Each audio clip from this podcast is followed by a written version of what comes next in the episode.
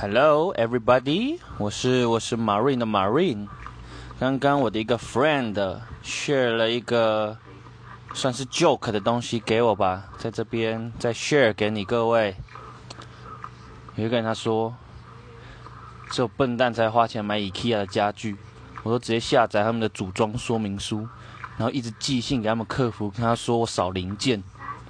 就这样过了六个月，我就有一个免费的家具了。这招听起来蛮屌的，不知道有没有人试过，可以跟我分享一下。那我今天的 sharing 就到这里喽，大家 see you next time。